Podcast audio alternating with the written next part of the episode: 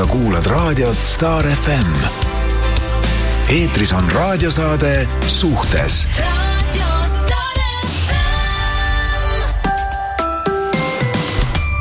ilusat äh, laupäeva hommikut, lund sajab väljas ja ei paista, et see kevad tuleks, aga natuke palju vist tahta ka veebruarikuus veel. Hommikust, Merili! tere hommikust, mina jooksen jälle Rene Puurat. nii hea lihtsalt, see on nii tore. väljas on talv, väljas on, ma täna hommikul lihtsalt vaatasin aknast välja ja mõtlesin nagu kuupäevaliselt aeg on käes, et võiks nagu hakata juba midagi muutuma. ei ole märts, kakskümmend märts on ju alles kevade tulek. ma ei jõua oodata nii kaua. ja meil oli siin äh, täna hommikul väga naljakas, me avastasime stuudiost ühe raamatu. keegi on äh, andnud välja raamatu. mille nimi on Mida naised voodis tahavad. ja see on mõeldud siis meestele. Ja kui äh, Merili luges mulle seda raamatut ette, siis äh, ma ei kujuta ette meest, kes loeks sellist raamatut, ma arvan, et esimese lehekülje peale mees läheks hulluks peast. ma ei kujuta ette meest, kes äh, võtaks sellest raamatust nagu mingisuguseid nippe ja actually kasutaks neid, selles suhtes, kui, kui, kui sa nagu loed seda raamatut, siis mul nagu tekib väga sügav kahtlus, kas pärast seda üldse mõni naine tahab nende meestega magada enam ma mõtlen vahel niimoodi, et äh, me oleme siin hästi palju rääkinud sellest ka, me oleme sellest kunagi Jesperiga rääkinud ja oleme sellest rääkinud Renega, et äh, vot selliseid raamatuid tegelikult, äh, kui naisterahvas kirjutab siis see on nagu see, natuke nagu sellise üksiku kibestunud naisterahva, ma, ma ei solva autorit, aga äh, naisterahva kirjutas, et ükski mees ei loe sellist asja. mis jutt no ma ei, ma ei tea, mis jutt, aga reaalselt lihtsalt, kui sa kutsud nagu oma naisterahvas kutsub oma jalge vahe püha templi väravad et mees peaks ütlema, seal on niimoodi kirjas, et mees peab kiitma neid. sul on nii kaunid püha templi väravad. kui minu ja. mees mulle sellist asja ütleks, ma naeraks ennast lihtsalt ribadeks, ma arvan, et seks jääks ära lihtsalt, sest nii naljakas oleks. oo, kui kaunid püha templi väravad, neid tuleb kiita, oli seal kirjas, eks ju. Neid tuleb kiita, et mehed, naine lõdvestuks eks, ja tunneks ennast hästi. ja mehed mm., et naine lõdvestuks ja tunneks ennast hästi, peate te ütlema. oo, kui kaunid püha templi väravad sul on. ja siis, äh, mis see teine asi oli, mis sa pidi mees tegema äh,? ta peab ähm, kohe, oot-oot-oot. seksi ajal? seksi ajal peab ütlema naisele siis äh, äh, ilusaid sõnu ja, ja väljendama, väljendama siis äh, oot-oot-oot-oot, ma kohe võtan selle siis see oli midagi see, et ma olen sinu jaoks olemas. ma olen sinu jaoks olemas. ma hoian sind. palun ära räägi seksi ajal, kui sa selliseid asju ütled, nagu lihtsalt ole vait oh my god kes see niimoodi kirjutab raamatu? ma hoian sinu püha templi väravaid Jesus Christ, kui see on, äh, näe, koer sööb puussepa sussi alla. see on äh, õpetus selleks, et kui mehed, kui te võtate sealt õppust, siis te ei saa never seksi enam. päriselt ka. ma, ma arvan küll jah, et see on natukene kehva oh jumal küll. nii, aga läheme tänase saate teema juurde, et las ja, et äh, ärge mehed selliseid ärge, sõnu palun öelge. ärge öelge. kunagi seksi ajal. jah. oo, kui kaunid püha templi väravad, mine pekki okei okay., meie, tänase saate teema on, on kummalised ja müstilised nähtused ja juhtumised mis on osutunud väga populaarseks, sest meie mailbox on täiesti umbes, siin on kohutavalt palju kirju. juba praegu on selline tunne, et kas me jõuame need kirjad kõik ette lugeda, nii et äh, kes tahab, et tema kiri jõuab ka veel eetrisse, siis selle tunni ajal järgmisega läheb juba kahtlaseks. ja, ja äh, helistada võib ka. ja, mina võtsin igaks juhuks kaardid ka mm.. see ei ole praegu see, et kõik hakkavad saama niisama nüüd ennustust mm, -hmm. ei mhm. saa. vaid äh, see on lihtsalt selleks, et kui tahaks midagi kontrollida, et kui mõni kiri tekitab meis selle tunde, et mis see võib olla või miks see niimoodi on, eks ju, sest me lubasime anda inimestele ka nõu, siis, äh, siis äh, saab üle kontrollida ja vaadata. aga räägime siis, kuna me tegime ju ühe saate kummitustest ja üleloomulikest nähtustest, siis oli ka samamoodi, kirju tuli lihtsalt nii palju, et me ei jõudnud neid ette lugeda, me tegime vol kahe ja ka neid kirju ei jõudnud ette lugeda. ehk et äh, need teemad inimesi puudutavad, need on segased, nendest ei saa inimene, tavaline inimene aru, kes ei puutu nende või noh, ei, ei tea nendest nii palju.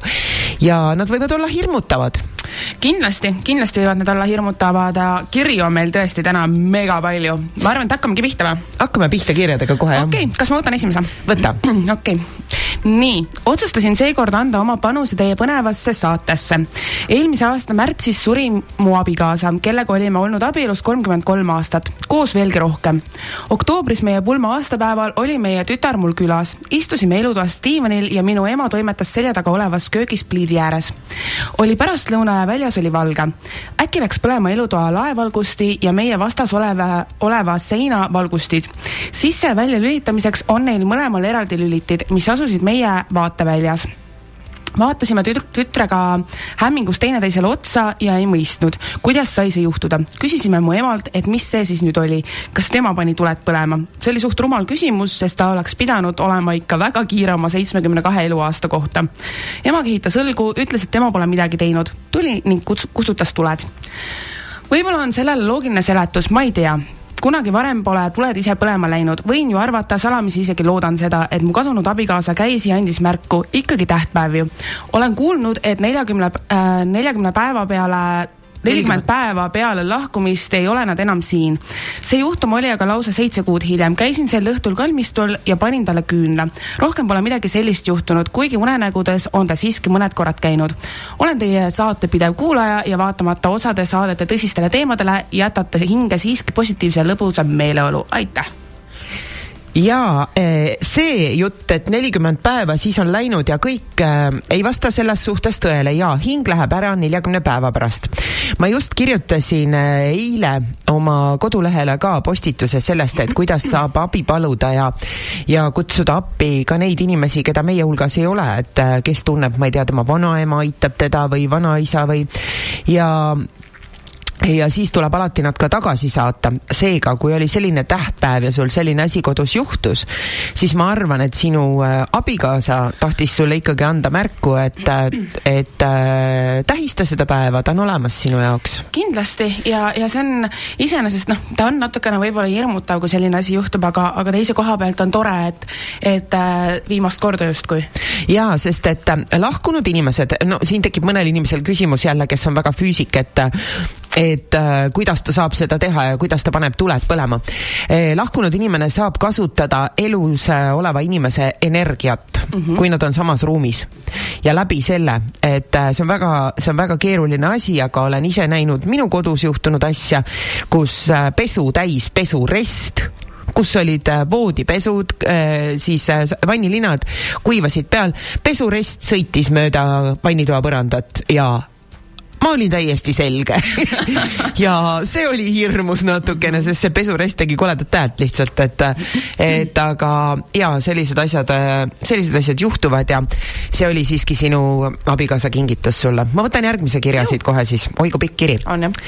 nii, tere, vägevad naised mul on rääkida lugu, mis on üsna pikk, seega püüan selle kokku pakkida ja jätan mõned seigad vahelt ära, et mitte tervet eetritundi endale ahnitseda. päris mitu aastat tagasi olin ühes väikeses äh, teenindavas ettevõttes tegevjuht. klientide vastuvõtt uuele ettevõttele oli suurepärane ja maja oli pidevalt rahvast täis. kui olime umbes kuu tegutsenud, tegi üks väga olulise tähtsusega töötaja, no paneme talle nimeks Siim, mulle ettepaneku, et nii suure rahvahulga teenindamisel on oluline ka maja maja energeetika puhas hoida ja tema võib mind selles aidata. olin nõus. kohtusime öösel, kui ettevõte oli suletud ja inimesi majas polnud. kaasas olid viirukid, kadakas, Tiibeti kellad ja muu selline et mitte tähelepanu tõmmata, jätsime tuled kustu. et aega kokku hoida, läbisime ruume eraldi, minu käes viirukid, temal kadakas. kõik alarmid lükkasin eelnevalt välja, et suitsuandurid lõugama ei hakkaks.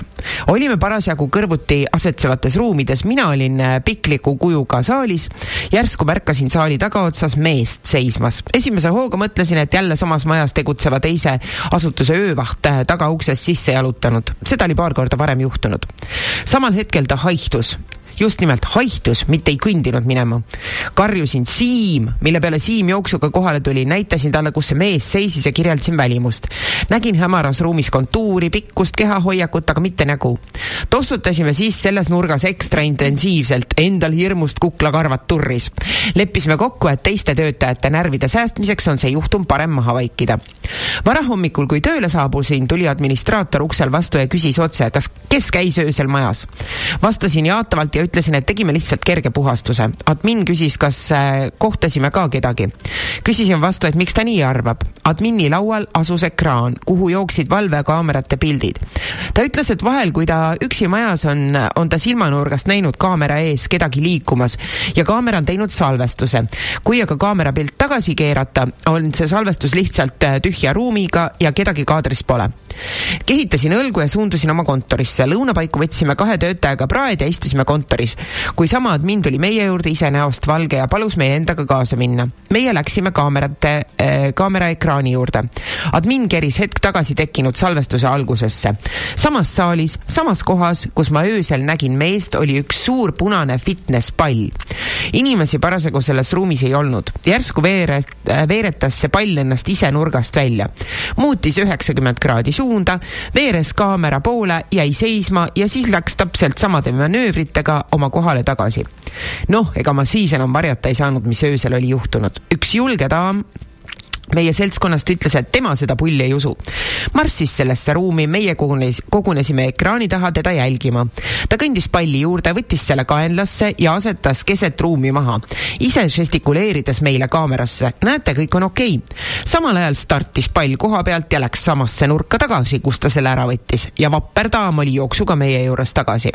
võtsin julguse kokku ja läksin proovisin sama tulemus sama samal õhtul rääkisin sellest juhtumist kolmele noormehele, kes kõik olid veendunud, et asjal on mingi konks ja olid valmis oma silmaga seda vaatama tulema. Läksime koos samasse ruumi, meesterahvad olid eemal, mina istusin seina äärde maha, pallist äh, mõne meetri kaugusele ja sirutasin käed palli poole ning küsisin, kas mängime? Ja pall veeres minu ette käte vahele. enne seda ma ei teadnudki, kui peenikese häälega võivad täiskasvanud mehed karjuda. näitasin videokaadreid ka ettevõtte omanikule, kes oli kindel, et tegemist on ehitusveaga, näiteks põrand on kõver või midagi sellist. tõin loodi ja mõõtsime üle, ei olnud kõver. ei olnud ka tuuletõmmet. sain loa kutsuda kohale mõni spetsialist. kutsusin kohale geobioloog Rein Weberi, kes mõõtis kogu maja üle. ega see hoone asukoht kõige parem olnud, anomaaliaga kohti oli seal teisigi paraku tema soovitatud parandusvõtted oleks nii suure hoone puhul äh, maru palju maksma läinud. konkreetses kohas, kus nägin meest ja ela, elas oma elu pall, oli äh, müürimälu.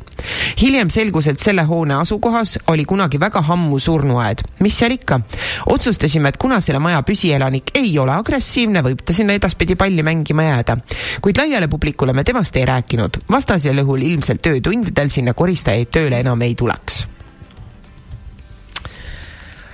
ossa pühapüss jaa, selliseid kohti on ju väga palju, et mm -hmm. mul käis ka ühe üks inimene, üks kohviku äh, omanik, kellel äh, samamoodi, temal oli äh, selline agressiivne tegelane, kes seal äh, lõhkus taldrikuid. ai, see ei käinud mul inimene vastuvõtul, see oli kunagi, kirjutas raadiosaates, see oli Aa, väga põnev lugu -hmm. ja, ja, äh, ja tema täitsa teadis, kes see oli, see hakkas neil pihta peale seda, kui ühes peielauas oli äh, kadunukese lähedane äh, infarkti saanud mm -hmm. ja suri seal ära ja ta oli saanud infarkti vihastades uh noh, peielauas oli inetuks läinud ja, ja inimene sai südari ja suri ära. ja äh, peale seda siis ta ütles, et äh, temal oli ikka täitsa hull, et äh, oli niimoodi nõusid loopinud ja, ja lõhkunud lihtsalt ikka nii, et seal kuivatusresti peal, kuhu on pandud sinna vahedesse need nõud mm, -hmm. sealt nagu kaarega lendasid ja puruks. ja siis ta ütles, kuidas, kuidas ta käis üksi ja kurjustas sellega, et tuled siia minu majja surema ja siis hakkad siin lõhkuma ja laamendama ka veel. õudne tegelikult nagu, mis see maksma läheb lõpuks. jah, aga sina ju käid sellistes kohtades neid, nendega oh. suhtlemas ja ära ajamas ka? eks ma käin jah, eks ma käin, ma seda väga palju enam ei reklaami, et ma käin ja teen, et aga, aga käin ikka, teen ja olen näinud äh, samamoodi, puutunud kokku siis olukordadega, kus, kus asjad hakkavad äh, asukohta vahetama ja, ja noh, viimane siis see kõige hullem oli siis see, kui terve korter mööbel vahetas asukohta. see oli, see oli sihuke omaette, omaette kogemus, aga, aga tegelikult eks see on, kõik kohad ei ole ei ole kodufunktsiooniga et noh, ikkagi kui me võtame mingid hooned või, või, või võtame kasvõi asukohad, et noh, ehitada surnuaia peale, no ma ei näe isegi nagu pointi enam ausalt öeldes neid kohti nagu puhastada või vaeva näha, sest et no tegelikult no,. Neid kus... ei saa puhtaks ikkagi? lõplikult ei saa lõplikult Jaa. ei saa seda, seal saab natukene maha tõmmata kindlasti, aga lõplikult puhtaks nad tegelikult ei saa. nojah, ütleme nii, et neid tegelasi saab kas maha rahustada, lepitada siis äh, elanikega, eks ju, või siis ähm,, või siis neid tuleb lihtsalt äh, austada. et äh, ma just äh, tean ise ühte lugu, kuidas ma oma sõbrannat aitasin ma ei tea, sellest ei saa võib-olla rääkida, aga see oli üks tervisehäda, mille puhul äh, ei aidanud mitte midagi mm. -hmm. ja kui ma läksin külla, siis äh, sina veel ütlesid mulle, et mida sa siin äratad teda üles, seda tegelast seal oli üks äh, küngas ja ma ütlesin, kes siia, kes siia majja ära põles tuli välja, et seal oli kunagi olnud vana saun, enam ei olnud mitte midagi, seal ei olnud ühtegi jälge, seal oli üks känd. ja seal oli olnud äh, vana saun ja sinna oli üks tegelane sisse põlenud aa, ja, ja, ja, mul nii meenub. Mhm. ja mina ütlesin oma, oma sõbrannale, et oo oh,, see hakkas minu kell hakkas rääkima aa, no,. nii, näed, kummalised juhtumid. ja mina ütlesin oma sõbrannale, et äh, sina hakka teda äh,, hakka teda nagu äh, temaga suhtlema. Pane talle konjakit, pane talle šokolaadi, vii talle midagi head ja, ja palu tema abi mm. -hmm. ja ma õpetasin talle veel mingeid asju, mulle ei meeldi, ma ei räägi nendest kunagi avalikult, sellepärast et inimesed ise ei tohi hakata sorkima ja torkima, mõni kuulab, mõtleb, oo mul on ka nii, ma teen ka nii. nii ei saa, need asjad on kõik iga, iga juhtumi puhul on erinevad, et ei ei ole selliseid asju, et eh, tehke kõik nii. ja ta tegi selle ära ja ta kirjutas mulle eh, vist oli kas nädal möödas, kirjutas mulle kuradi nõid, ma olen nii tänulik, sest ta sai lahti. sai lahti, onju. ja, ja ta ütles, et äh, ta igati nüüd austab ja hoiab seda tegelast seal ja mm -hmm. viib talle napsu ja kõike, et no eks ta natuke napsusena sinna sisse oli põlenud ka. et äh, siis ongi see, et sa lihtsalt pead äh, temaga sõber olema, kui ta sinu valdustes elab. sa kuulad raadiot Star FM. Eetris on raadiosaade Suhtes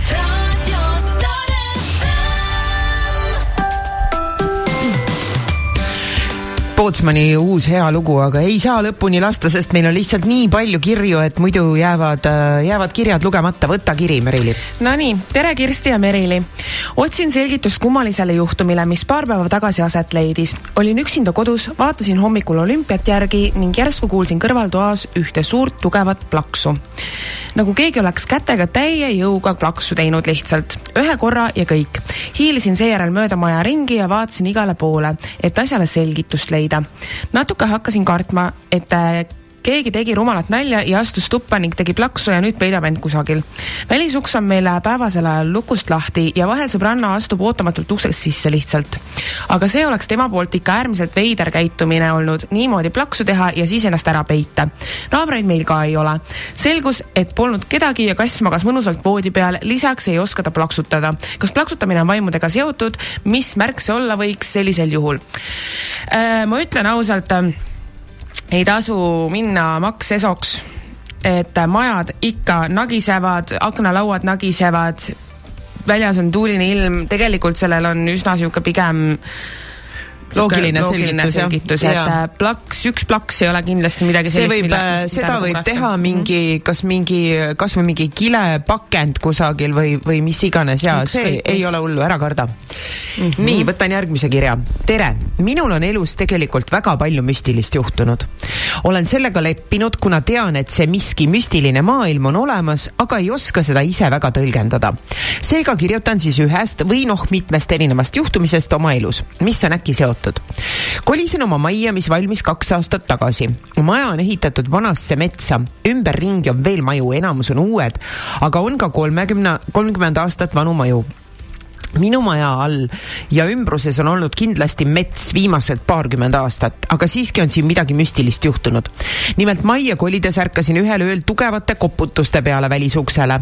ärkasin üles ja mõtlesin, et mis see siis nüüd oli, aga kuna ma ärkasin unest, panin selle unenäo arvele. kaks-kolm kuud hiljem ärkasin öösel, kuna mees oli üleval. mees tuli voodisse ja uinus, kuna minul läheb uinumisega aega, siis kuulsin jälle tugevat koputust uksele. ärkas, äratasin mehe ja ütlesin, et seekord ma kohe kindlasti ei maganud. saanud. igal juhul lapsepõlvest seletati ilusasti, et öösiti ust ei avata, veel vähem, kui keegi kolm korda koputab. jätsin asja sinnapaika, kuni tuli kevad ja kuulsin kolmandat korda koputust. seekord tõusin püsti, kõndisin aknani, kust näeb esiust ja mitte kedagi. peale seda koputused kadusid, kuni nüüd poolteist aastat hiljem oli järgmine olukord. Läksin hommikul oma viieaastase lapsega lasteaeda.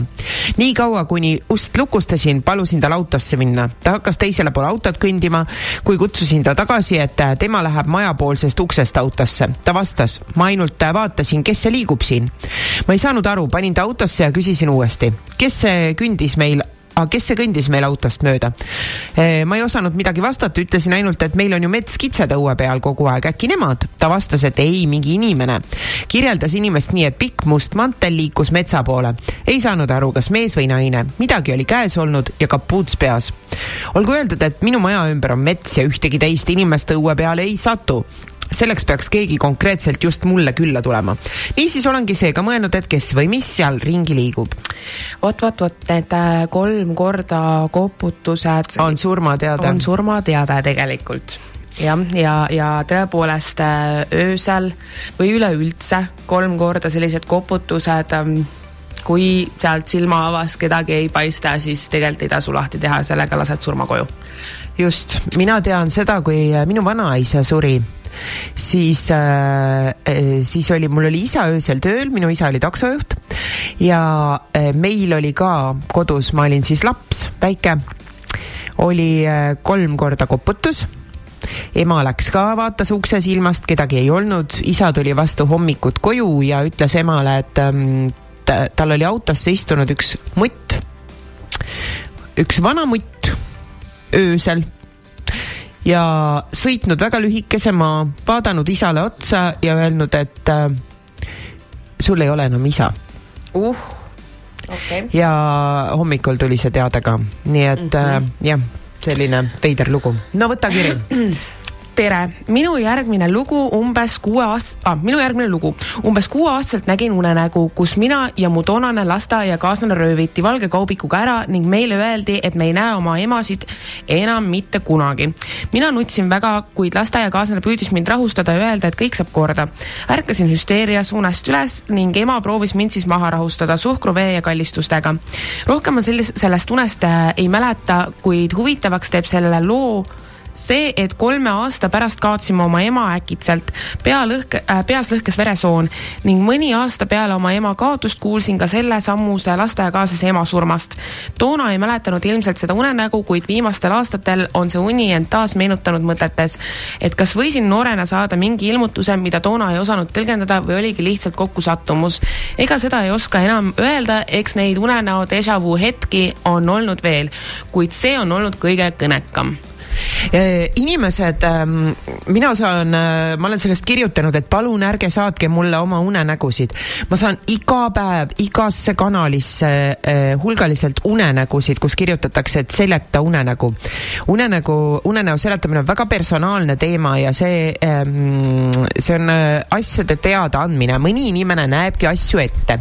sellega sa ei ole nõid ega, ega selgeltnägija, kui sa näed unenägudes asju ette, sest tegelikult näeb iga inimene seda, aga inimesed ei oska sellele tähelepanu pöörata ja ei osata tõlgendada oma unenägusid. unenäod on äh, meie alateadvus, mis annab meile väga palju informatsiooni. nähes surnuid unes vanasti öeldi, et ilma muutus et äh, kui nad midagi ei tee ja ei ütle ja ei räägi, kui aga surnu tuleb, ütleb sulle mingi teate edasi, siis ta ei tule kunagi niisama. aga seda peab oskama tõlgendada ja nemad ei ütle neid teateid mitte nii, et kuule, homme murrad siin jalaluu või äh, teed autoavarii mm, -hmm. vaid need on alati väikese mõistatusega seotud ja sa pead ise seda lahendama, sest Just. et äh, sulle ei anta kõike niisama, et kandikul võta ja, ja kasuta. sa pead ikkagi oma kupliga ka mõtlema, et ähm, vot mina ütlen selle kohta ka alati, et, et kui me näeme lahkunuid unes, siis äh, kui nad päriselt käivad, siis äh, hommikul seda vestlust ei mäleta. Tead, et käis, aga vestlust otseselt ei mäleta, et kui on meeles, et me rääkisime sellest ja sellest ja sellest asjast, siis tegelikult on tegu alateadvusega ikkagi ja selle igatsusega, mis seal, mis seal on. jaa, aga vahel on ka mingid sellised sõnumid või hoiatavad asjad, mida nad ütlevad, eks Need ju on sellised kummalised alati, millest ei saa aru. ja no need ongi need Mõistatus on mõistatus, et sa Mhm, ja kui sul just. see mõistatus on meeles, vot siis see on oluline asi. ja, ja siin selle, selle loo puhul, no vot, kuna sa nägid seda lapsena, eks ju, siis ähm, eks see oli mingi hoiatus sulle võib-olla, aga, aga samamoodi noh, laps ei oska seda tõlgendada ega, ega sel-, seletada ka mm. -hmm. nii, võtan järgmise. võta, võta. tere, olime kaaslasega oma suhtega nii-öelda madalseisus. valetasin endale, et kõik on korras ja olen sellega rahul. sellega kaasnesid korduva mustriga unenäod. nimelt nägin unes vähemalt korra nädalas, et lapsendasin lapse. oli juhtumeid, kus koolist äh, anti beebi kaasa, ka selliseid, kus lihtsalt oli mul järsku kaks last teadsin alati, et laps, lapsed pole minu oma. vahest öö, osales ka vanaema rollis öö, nendele lastele minu kaaslane. peale seda, kui kaaslasega oma suhte korda saime, pole enam kordagi seda unenägu ega midagi sellist sarnast näinud. mainin ka ära, et sellel ajal ei olnud teemaks laste saamine ning polnud seega minu mõtteis. ise ma seostada lapsendamist halvas olukorras oleva suhtega ei oska, kuid äkki siiski teie e,. lapsed unes, kui sa saad lapse unes, laps on tavaliselt haigus. laps ei tähenda head unes ja kui sa eh, seal lapsendasid lapse, siis te olite, ma arvan, tekitanud enda, enda suhtes probleemi täiesti tühjast ja mõttetust kohast, ehk te olite võtnud eh, asja, mis tegelikult üldse teie oma ei olnud. ja, ja sellega oma, oma suhet siis mürgitanud. Jah, mina ei ole unenägude fänn üldse mulle, mulle ei meeldi üldse unenäod, ma, ma, ma naudin täiesti neid öid, mis on küll üsna harva, aga kus ei ole mitte ühtegi unenägu. mul vist ei ole kunagi sellist ööd olnud, kus ei ole ühtegi mul on unenägu. paar sellist ööd olnud, kus, kus terve öö magad nii, et ühtegi unenägu ei ole, vot see on hea. ja meil on muide, tuletan meelde, et meil on telefon ka kuuskümmend kolm, kuuskümmend kuus, kakssada stuudios, aga lihtsalt ja kirjade uputus on meeletu. nii, kas me jõuame veel võtta või? Jõuame küll, jõuame, okei aga ma siis võtan. tere, teil on täna äärmiselt huvitav teema, millest saan ka enda kogemusest rääkida. mul on neid lugusid jutustada teile tegelikult palju, kuid tooksin välja kaks lugu. minu esimene kogemus hingekummituse vaimuolendiga juhtus siis, kui olin alles umbes kuueaastane laps. mäletan seda päeva täpselt nii, nagu see oleks juhtunud minuga eile. oli ilus suvine ilm, ema triikis elutoas pesu ja mina olin teel kööki, et haarata külmkapist midagi maitsvat hamba alla sain külmkapi kallal nokitsetud ja hetk, kui keerasin ennast ümber, istus köögilaua taga äh, üleni valges väike tüdruk. ta viipas mulle sõrmega. mina ehma, äh, ehmusin, jooksin elutuppa ja karjatasin emme. kui uuesti köögi suunas vaatasin, ei istunud seal enam kedagi. tänaseni arvan, et see oli minu kadunud õde, kes hukkus üheksa-aastasena. ma pole temaga küll kunagi elus kohtunud, kuid südames tunnen, et see oli tema. oi, Äh, vabalt, mina Jaa. olen ka väiksena näinud äh, köögist ära minnes kardina tagant astunud välja meest, kes äh, ütles mulle, ma mäletan nii hästi seda äh,, kardinad olid sellised ainult poole seinani. noh, nagu aknalauaga kõrgusel Mhm. lõppesid ära ja selle tagant astus välja mees, kui ma jätsin toidu järgi.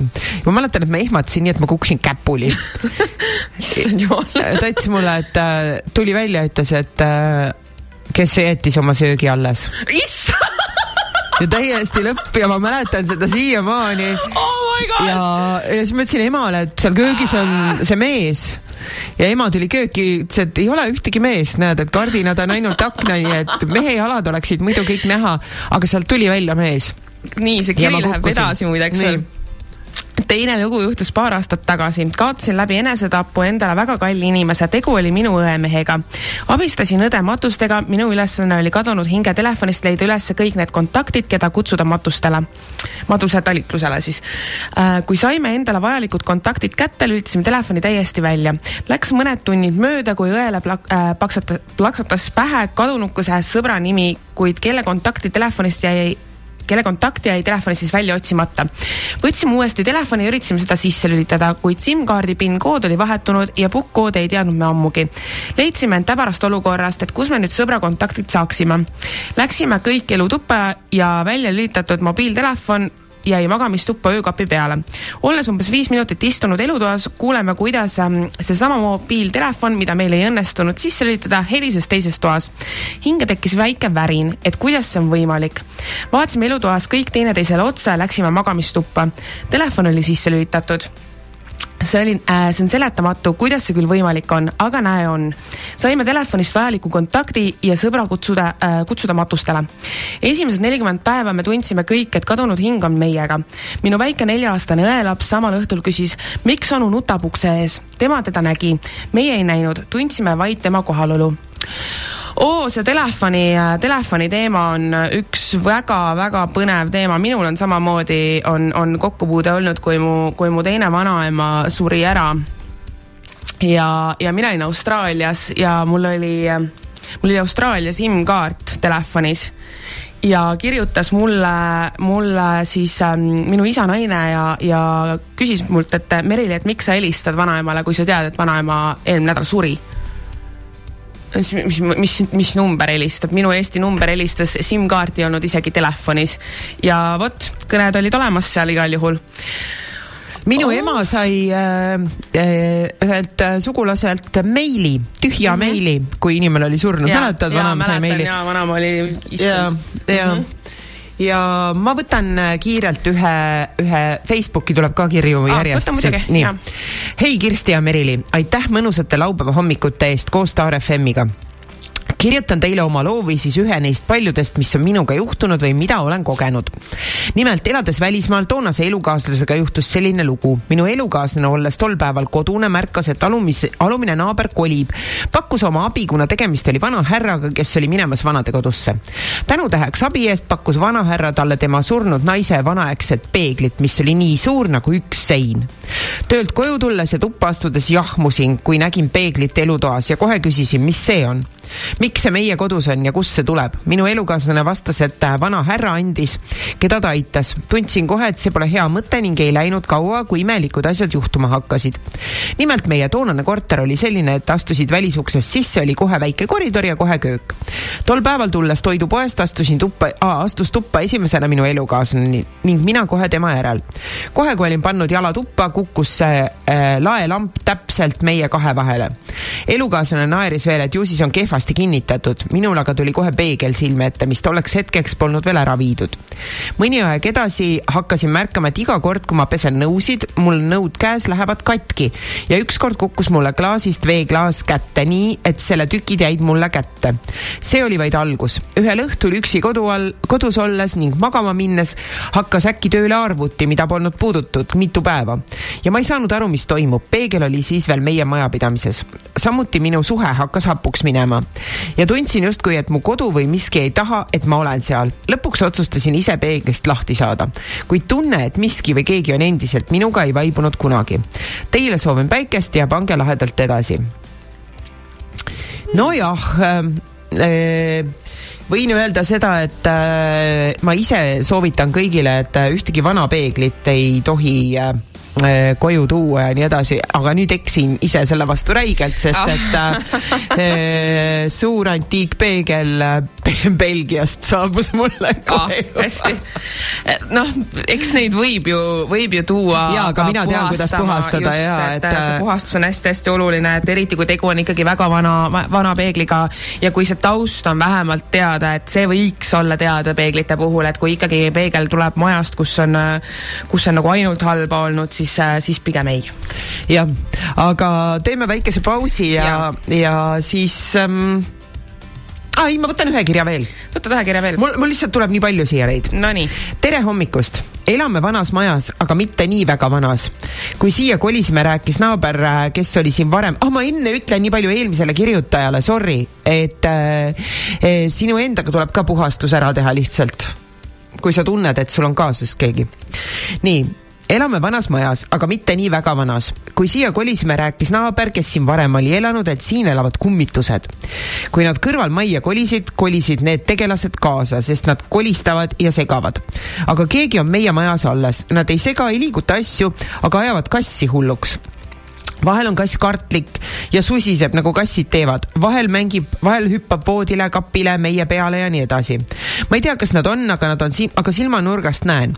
vahel tundub, et nad on äh, mu mehe omaks võtnud, kuid mind mitte. ma ei saa koos mehega magada samas voodis, ma lihtsalt ei saa magada. on juhtunud uneparalüüsi, paar, paar korda trügin mehe voodist välja. ehk ta pole ehk tal pole ruumi magada, sest ma ronin tema kohale. kass on aga kolinud sinna minu poole peale magama. hakkan arvama, et äkki energiaringide kohtumise sõlmed seal. ma olen energiatele väga tundlik ja vahel tuleb peale kohutav hirm, et äh, ei julge üksi väljas toimetadagi, kui on pime. aga see hirmutunne on vahel, sest tunnen, et ma pole üksi. olen puhastanud salveiga kodu, käivad kuulujutud, et meie krundil oli olnud surnuaed. kuna on äh, väga allikaid täis maatükk ja vesi on äh, kondid välja surunud maast. ahah ise pole midagi leidnud, ma ei tea, mida teha, mees alla korrusele ei taha tulla ja mina üleval magada ei saa no on lihtsalt kohti, kus ei saa magada, see, et kass hüppab kapi peale või issand jumal, kassid Jah. hüppavad igale poole, see on okei okay. aga kass tavaliselt valib äh, magamiseks küll äh, kõige negatiivsema koha, et see on küll. aga äh, kui kass, kui kass hüppab ja mängib, siis see, see ei tähenda, et sul on mingid olendid kodus. kui kass vahib tühja pilguga kuhugi nurka üles ja karjub mm -hmm. vot siis on veider. ja ikkagi mina rõhun sellele, et Oi. kui no, ja ma tegin seda äh, kui on äh,, kui on hirm, siis hirm on teadmatus. alati see tume või nagu pime tuba on võimalik täita valgusega, ehk siis oma teadmatust täita teadmistega. kui sa ei tea, siis see on võimalik välja võtta, kas sinu maja või hoovi koha peal oli kunagi surnuaed. seda, et vesi uhus kondid välja, see on loll jutt. ma ei taha eriti uskuda, ja eh, mingid, mis asjad, energiaringid äh,. ma ei lähe sinna. Jaa, Max No nii. Teeme pausi. Sa kuulad raadiot Star FM. eetris on raadiosaade Suhtes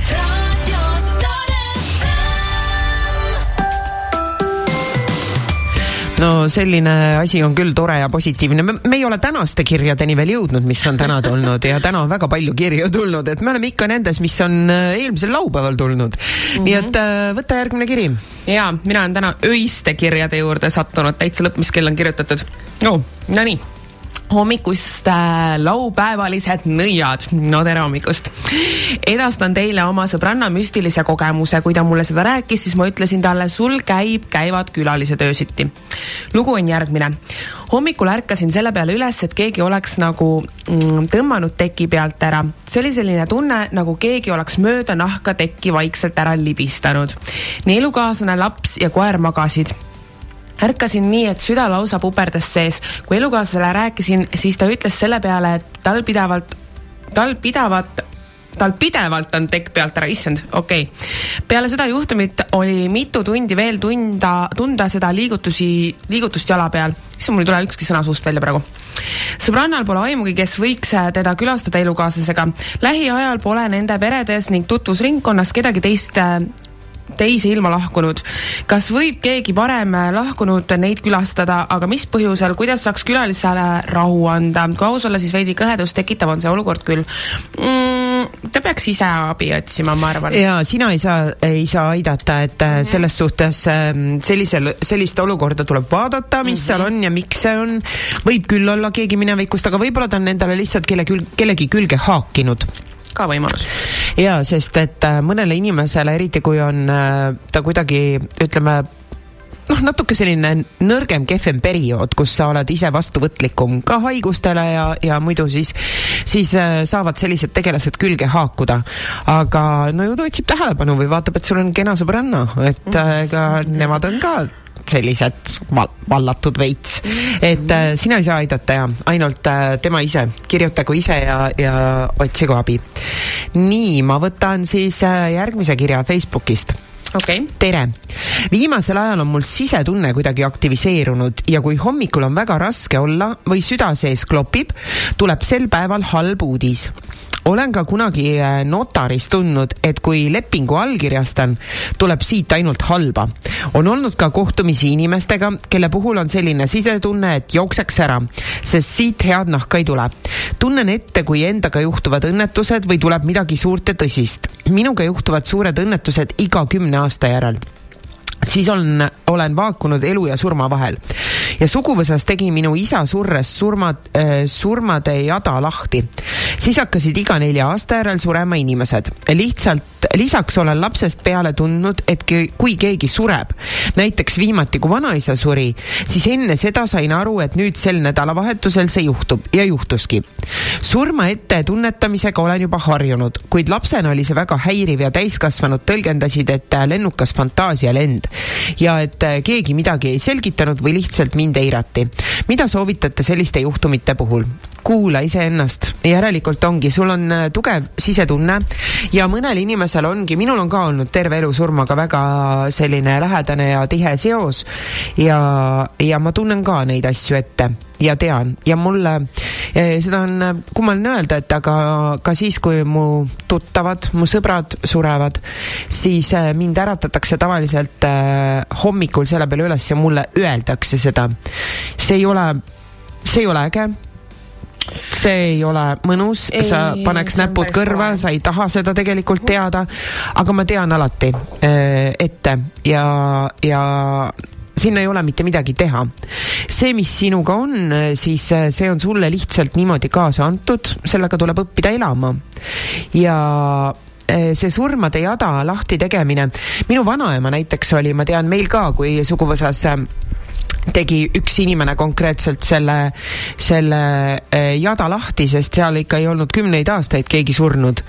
ja ma mäletan seda, et äh, vanaema õpetas mulle väiksena, et kui sureb, oota, kuidas see oli, kui sureb vanem naine ja ta ei ole, ei lähe eh, külmaks nagu kangeks, siis on järgmine noor mees okei. ja meil täpselt niimoodi oligi. ma mäletan, et mu vanaema käis alati katsumas surnuid päriselt või? ja, issand. ja, ja äh, alati ta ütles veel seda, et kui võtad surnu käe, näiteks kus sul on, kui on liigesevalu või mis iganes, vana, vana nõid ju, liigesevalu või soolatüügas või mis iganes, võtad surnu käe, paned peale, siis tuli lausuda sõnad, ma ei õpeta neid, need ei ole avalikult õpetamiseks, tuli lausuda sõnad ja see kadus ära. Ja, ja tema käis alati selle jaoks ka katsumas, et siis ta tuli, ütles noh, järgmine on nüüd see, nüüd järgmine läheb see. Ja nii oli jah.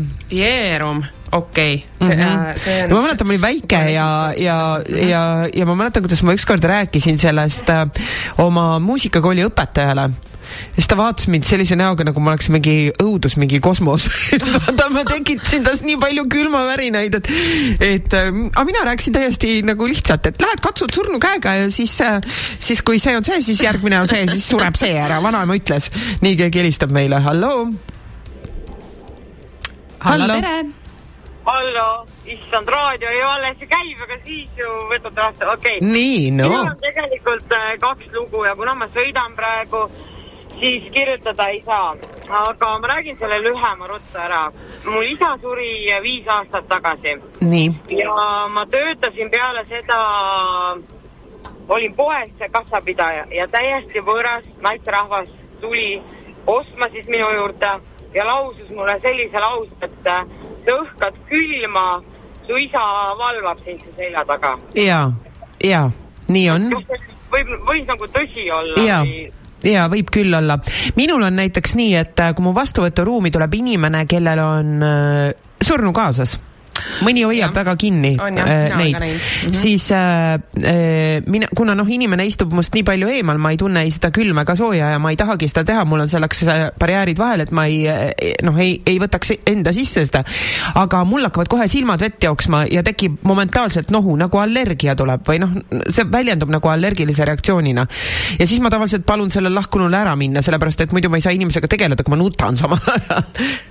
aga kus ma nagu saan aru, kas äh, isa on mu juurest lahkunud või ei ole, sest ma aeg-ajalt ikkagi mõtlen ta peale, et vahet pole, milline ta oli, et ma tean, et ta hoidis nii mind kui õde onju, aga teinekord ta toob mulle nagu unes äh,, tegelikult ta ennustab mulle unes asju ette, ta ennustas mulle kunagi lahkumineku ka. Sest äh, kui sa unes pidid ju, ma tean, et äh, kui riideid korjad ja et see on lahkuminek ja isa ütles mulle kuupäeva, hiljem ma panin selle pildi kokku mm, -hmm. et isa hoiatas mind ette. oli õnnetu näoga, ütles, tema ei saa tulla, tal on ainult kakskümmend viis eurot. ja mina Aa. sain viisteist rahma kokku. Aga samas, kui tema on otsustanud ja valinud sind äh, kaitsta, siis sa ei pea temast äh, lahti ütlema. sa lihtsalt äh,, ma kirjutasin eile just oma, oma kodulehele blogipostituse tänurituaalidest, et äh, sa lihtsalt ähm, täna teda ja kui äh,, kui midagi sellist, mis sa oled infot saanud temalt äh,, siis ole tänulik ja, ja kui sa ise oled mõelnud tema peale, siis peale seda ikkagi nagu sõna seda, et, et ma tänan sind, et sa, ma ei tea, aitasid mind või et ma mõtlesin su peale, aga ma saadan su rahvusvalguse teele. et, et ikkagi ka siis, kui me alati palume abi, siis, siis pärast tuleb anda rahu tagasi. jah, aga üldjoontes lahkunutega kooselu ei ole väga hea mõte.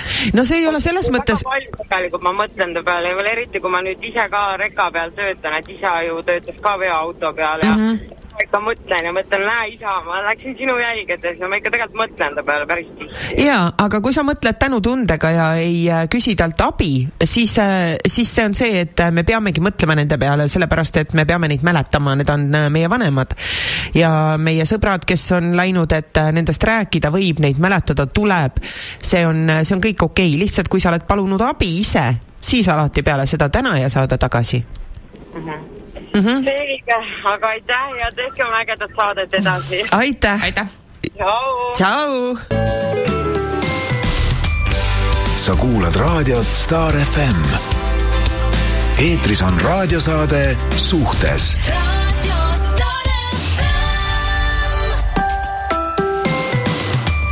teine saatetund on alanud ja räägime siis täna kummalistest ja müstilistest nähtustest ja juhtumistest ja no ebareaalne. me upume kirjade alla, kas ma võtan ühe pika? Äh, võta see, sa võtad selle emailist, jah? ja võtan emailist, See on megapikk, on megapikk. tere, armsad Kirsti ja Merili. Seekordne teema kõnetas mind kohe, kui teemast kuulsin. meenus kohe suisa kolm konkreetset juhtumit, millel on keeruline konkreetset seletust anda. Neid on kindlasti olnud veel ja mitte vähe, aga need on mul meeles kõige eredamalt. alustan unenägudega seonduvast kahest loost. esimene minu jaoks väga müstiline ja tähendusrikas unenägu leidis aset umbes aasta tagasi. nägin unes oma teise ilma lahkunud tädi toona oli ta üle aasta juba siit ilmast lah lahkunud. terve unenägu pole meeles, aga väga selgelt konkreetselt on meeles, et tegu oli mingi perekondliku üritusega. ühel hetkel ilmus seltskonda minu lahkunud tädi, ta oli seal väga kaunis, naeratas, säras nagu alati kõndis minu poole ja küsis, kuidas sul läheb. vastasin, et hästi, mul on äh, rõõm teda näha. ta hakkas mind laia naeratuse näol embama ja järsku muutus ta nägu tõsiseks, veidi murelikuks ja siis ta küsis mu käest, kas sul, kas sul ikka on seal allpool kõik korras. selle peale ärkasin ma üles, mul oli kõik nii selgelt hommikul meeles ja see küsimus oli nii kummaline mu jaoks, et pidin selle üles kirjutama. Läks mööda umbes kolm-neli päeva ja siis mul tekkisid äh, üks õhtu tugevad äh, kõhuvalud, mida mul pole veel eladaski olnud kõht oli lahti ja tekkis kolmekümne kaheksane palavik ma ei maganud terve öö. helistasin perearstile hommikul, kes saatis mu esmalt Covidi testile. jäin haiguslehele. sain vastuse negatiivne helistasin uuesti perearstile ta pakkus, et ilmselt tegu kõhuviirusega. nädala lõpuni ei ole kindla-, ole kindlasti kodus. joo palju vett ja kummeliteed talitasin nii.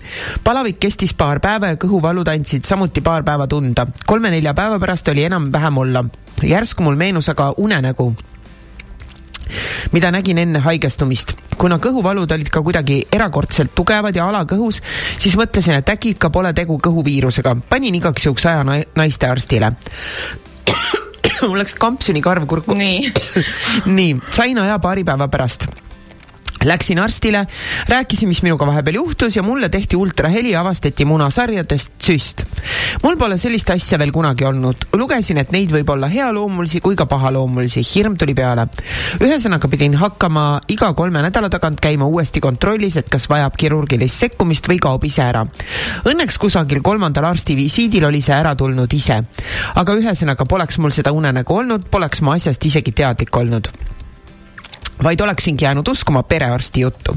aga nii müstiline tundub see, kuidas sai keegi surnud lähedane anda mulle unes nii konkreetse vihje. kas tõesti surnud lähedased näevad asju, mida meie ei näe, tulevad meile appi unenägudes? kuule, see kiri on tohutult pikk, siis edasi lugeda, sa ma vastan ära, jaa, nad saavad seda teha ja teevad seda tihti ja, ja ütlevadki äh, asju ette ka tervise osas. minu äh, lahkunud tädimees äh, hoiatab mind alati mu väiksema poja puhul nii okay., ma loen, ma loen edasi seda kirja siis. teine juhtum unenägude, unenägudega seonduvalt oli ka kuskil üle aasta tagasi. olin sel ajal veel koos oma eksiga. suhe polnud mingi roosiline, vaid üsna toksiline. olin koos ühe patoloogilise valetajaga, manipulaatoriga ja suure armukaadetsejaga. suhtes olles äh, olin ma muidugi roosade prillidega ja seda olukorda adekvaatselt ei hinnanud. olin iseennast sinna suhtesse kaotamas. püüdsin ikka seda kõigest väest koos hoida ja lootsin, et olukord muutub.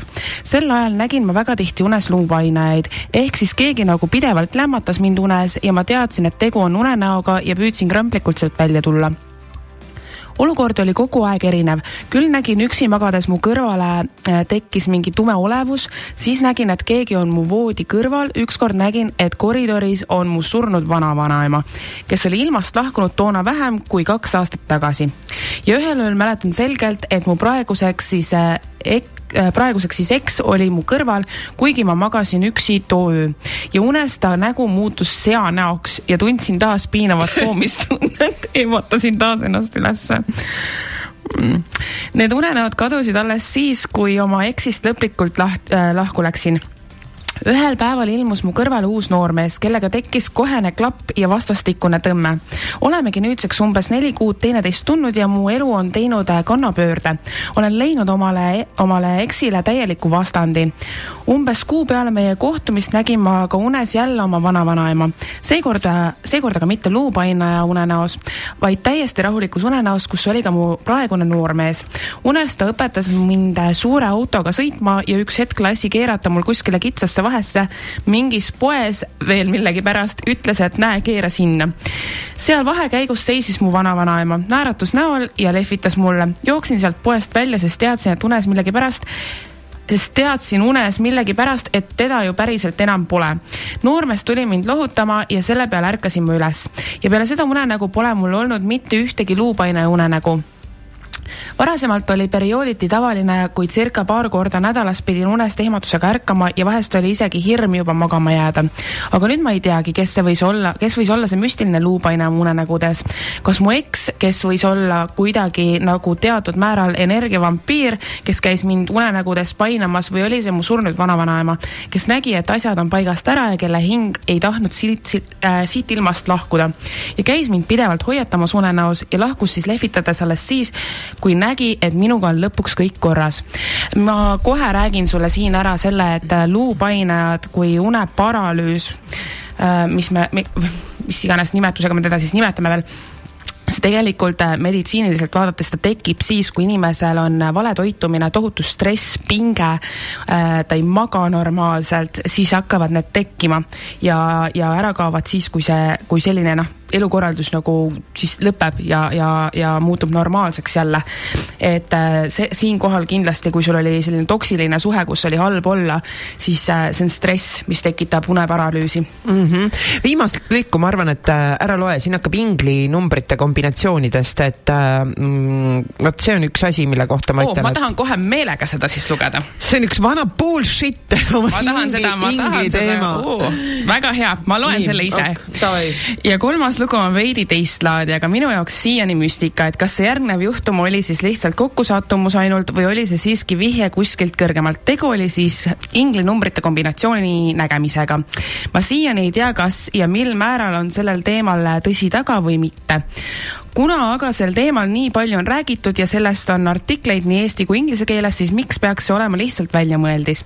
ühesõnaga asusin uuele töökohale tööle teenindajana, kus siis katseaja vältel oli võimalik tõusta poe vahetusvanemaks, kes siis valitakse töötaja, kes siis valitakse töötajate vahel.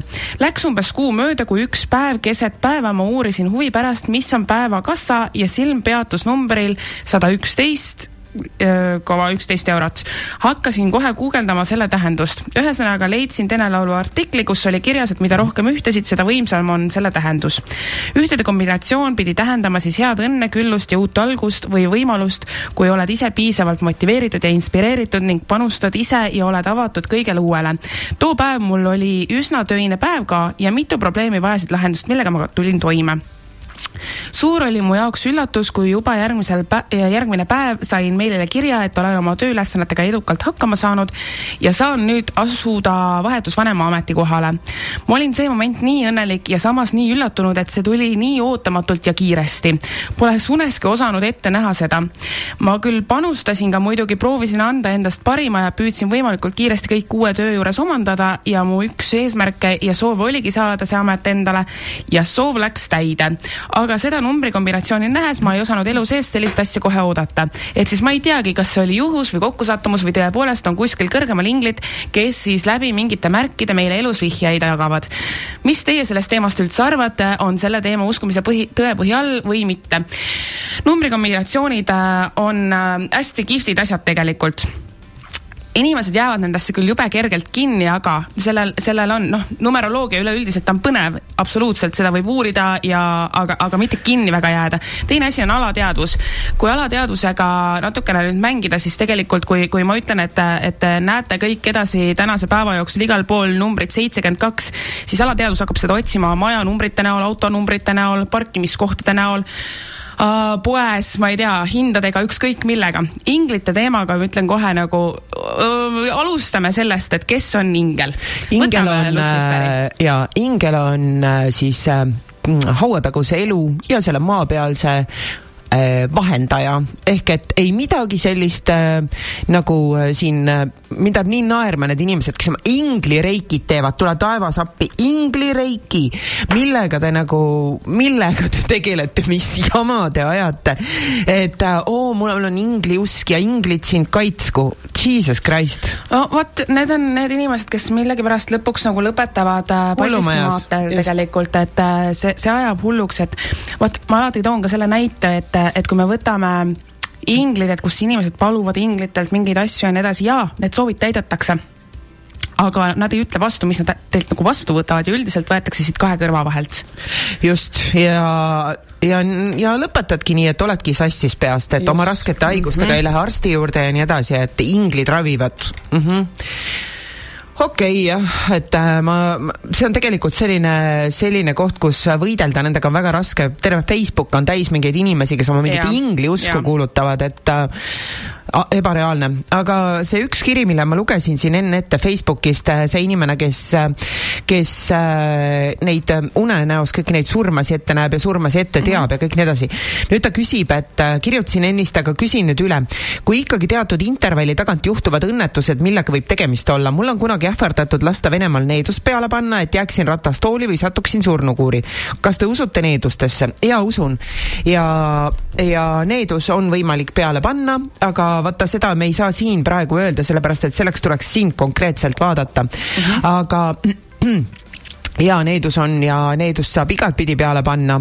võin öelda, et alles ise tegin seda, üks inimene, kes äh, üritas hävitada minu elu äh, ja minu tööd, kõike siis äh, tegin seda, et saatsin talle selle kõik tagasi ja kõik see, mida ta tahtis teha mulle, ei läinud kolme kuud, kui ta sai selle ise tagasi. paras bumerang. bumerang äh, said, kannata nüüd ja võin öelda, et see on alles algus.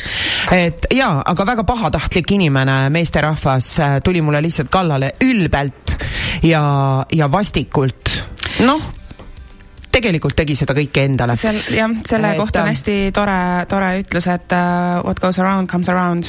Ines laulab ka kõik, mis sa teed, teed vaid Jah. endale. et ära tule nõida torkima.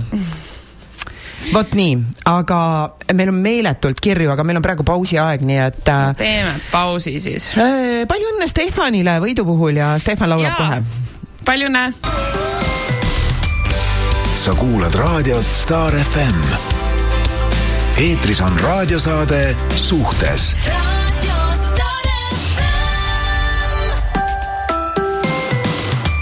ja kirju tuleb ja tuleb, ja tuleb ja tuleb. Tuleb, Nii. tuleb, tuleb. võtan järgmise kirja. nii, täna on teil kavas põnev teema. Müstilistel ja seletamatutel sündmustel on alati olnud koht minu elus. meenutades, meenutustes läksin ma tagasi nõukogude aega, kui ma veel oma lapsepõlve kodus elasin. minu lemmik sihtkohaks kujunes Vilnius ja saatus viis mind kokku väga toredate inimestega. tol ajal ei olnud ju mobiiltelefoni, tuli helistada lauatelefonile ja kuna mul oli vaja sõpra kätte saada, tabasin ma tihti äh, ta lati, tabasin ma mis asja? Madalati müstiline tabas ah,, järelikult tabasin ma ta alati. müstiline meie vahel oli seitsesada kilomeetrit, ta ise ütles seda mulle korduvalt, et ta sõbrad ei saa teda Vilniuses kunagi kätte.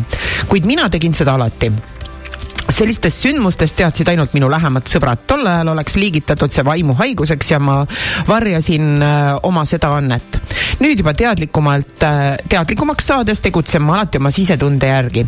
kust see info minusse saabub, on mõistatus. olen impulsiivne ja tegutsen spontaanselt ja minu elu on hakanud kulgema sellises mõnusas rütmis. õige, tubli mm. -hmm nii, võtan järgmise. tere mm -hmm. teile. aastaid-aastaid tagasi, kui ma Tallinna kolisin, siis sain osa millestki, mida ma isegi hästi seletada ei oska. aga panen need teile kirja. lebasin keset päeva kodus diivani peal, kui järsku keegi mulle kõrva sosistas. tekst oli vene keeles ja kahjuks ma sellest lausest aru ei saanud, aga viimane sõna, mida ma hästi mäletan, oli ljuda kargasin kohe diivanilt üles ja vaatasin toas ringi, mitte kedagi ei olnud. hakkasin uurima siis, et kas meie majas elas naine nimega Ljuda. jah, elas küll. ta küll ei elanud minu korteris, aga see, kes minu korteris enne mind elas, see oli Ljudaga suured sõbrannad. ei teagi, mis mulle öelda taheti, aga sinna see asi jäi äge. Nonii, see on siin mingi teine lugu tal. ärkasin keset ööd üles, kell oli täpselt kaks ja kui ma trepi poole vaatasin, siis nägin midagi sellist, mida ma varem näinud polnud. nimelt trepi peal seisis keegi, kes ei ole siit äh,, siit maailmast pärit.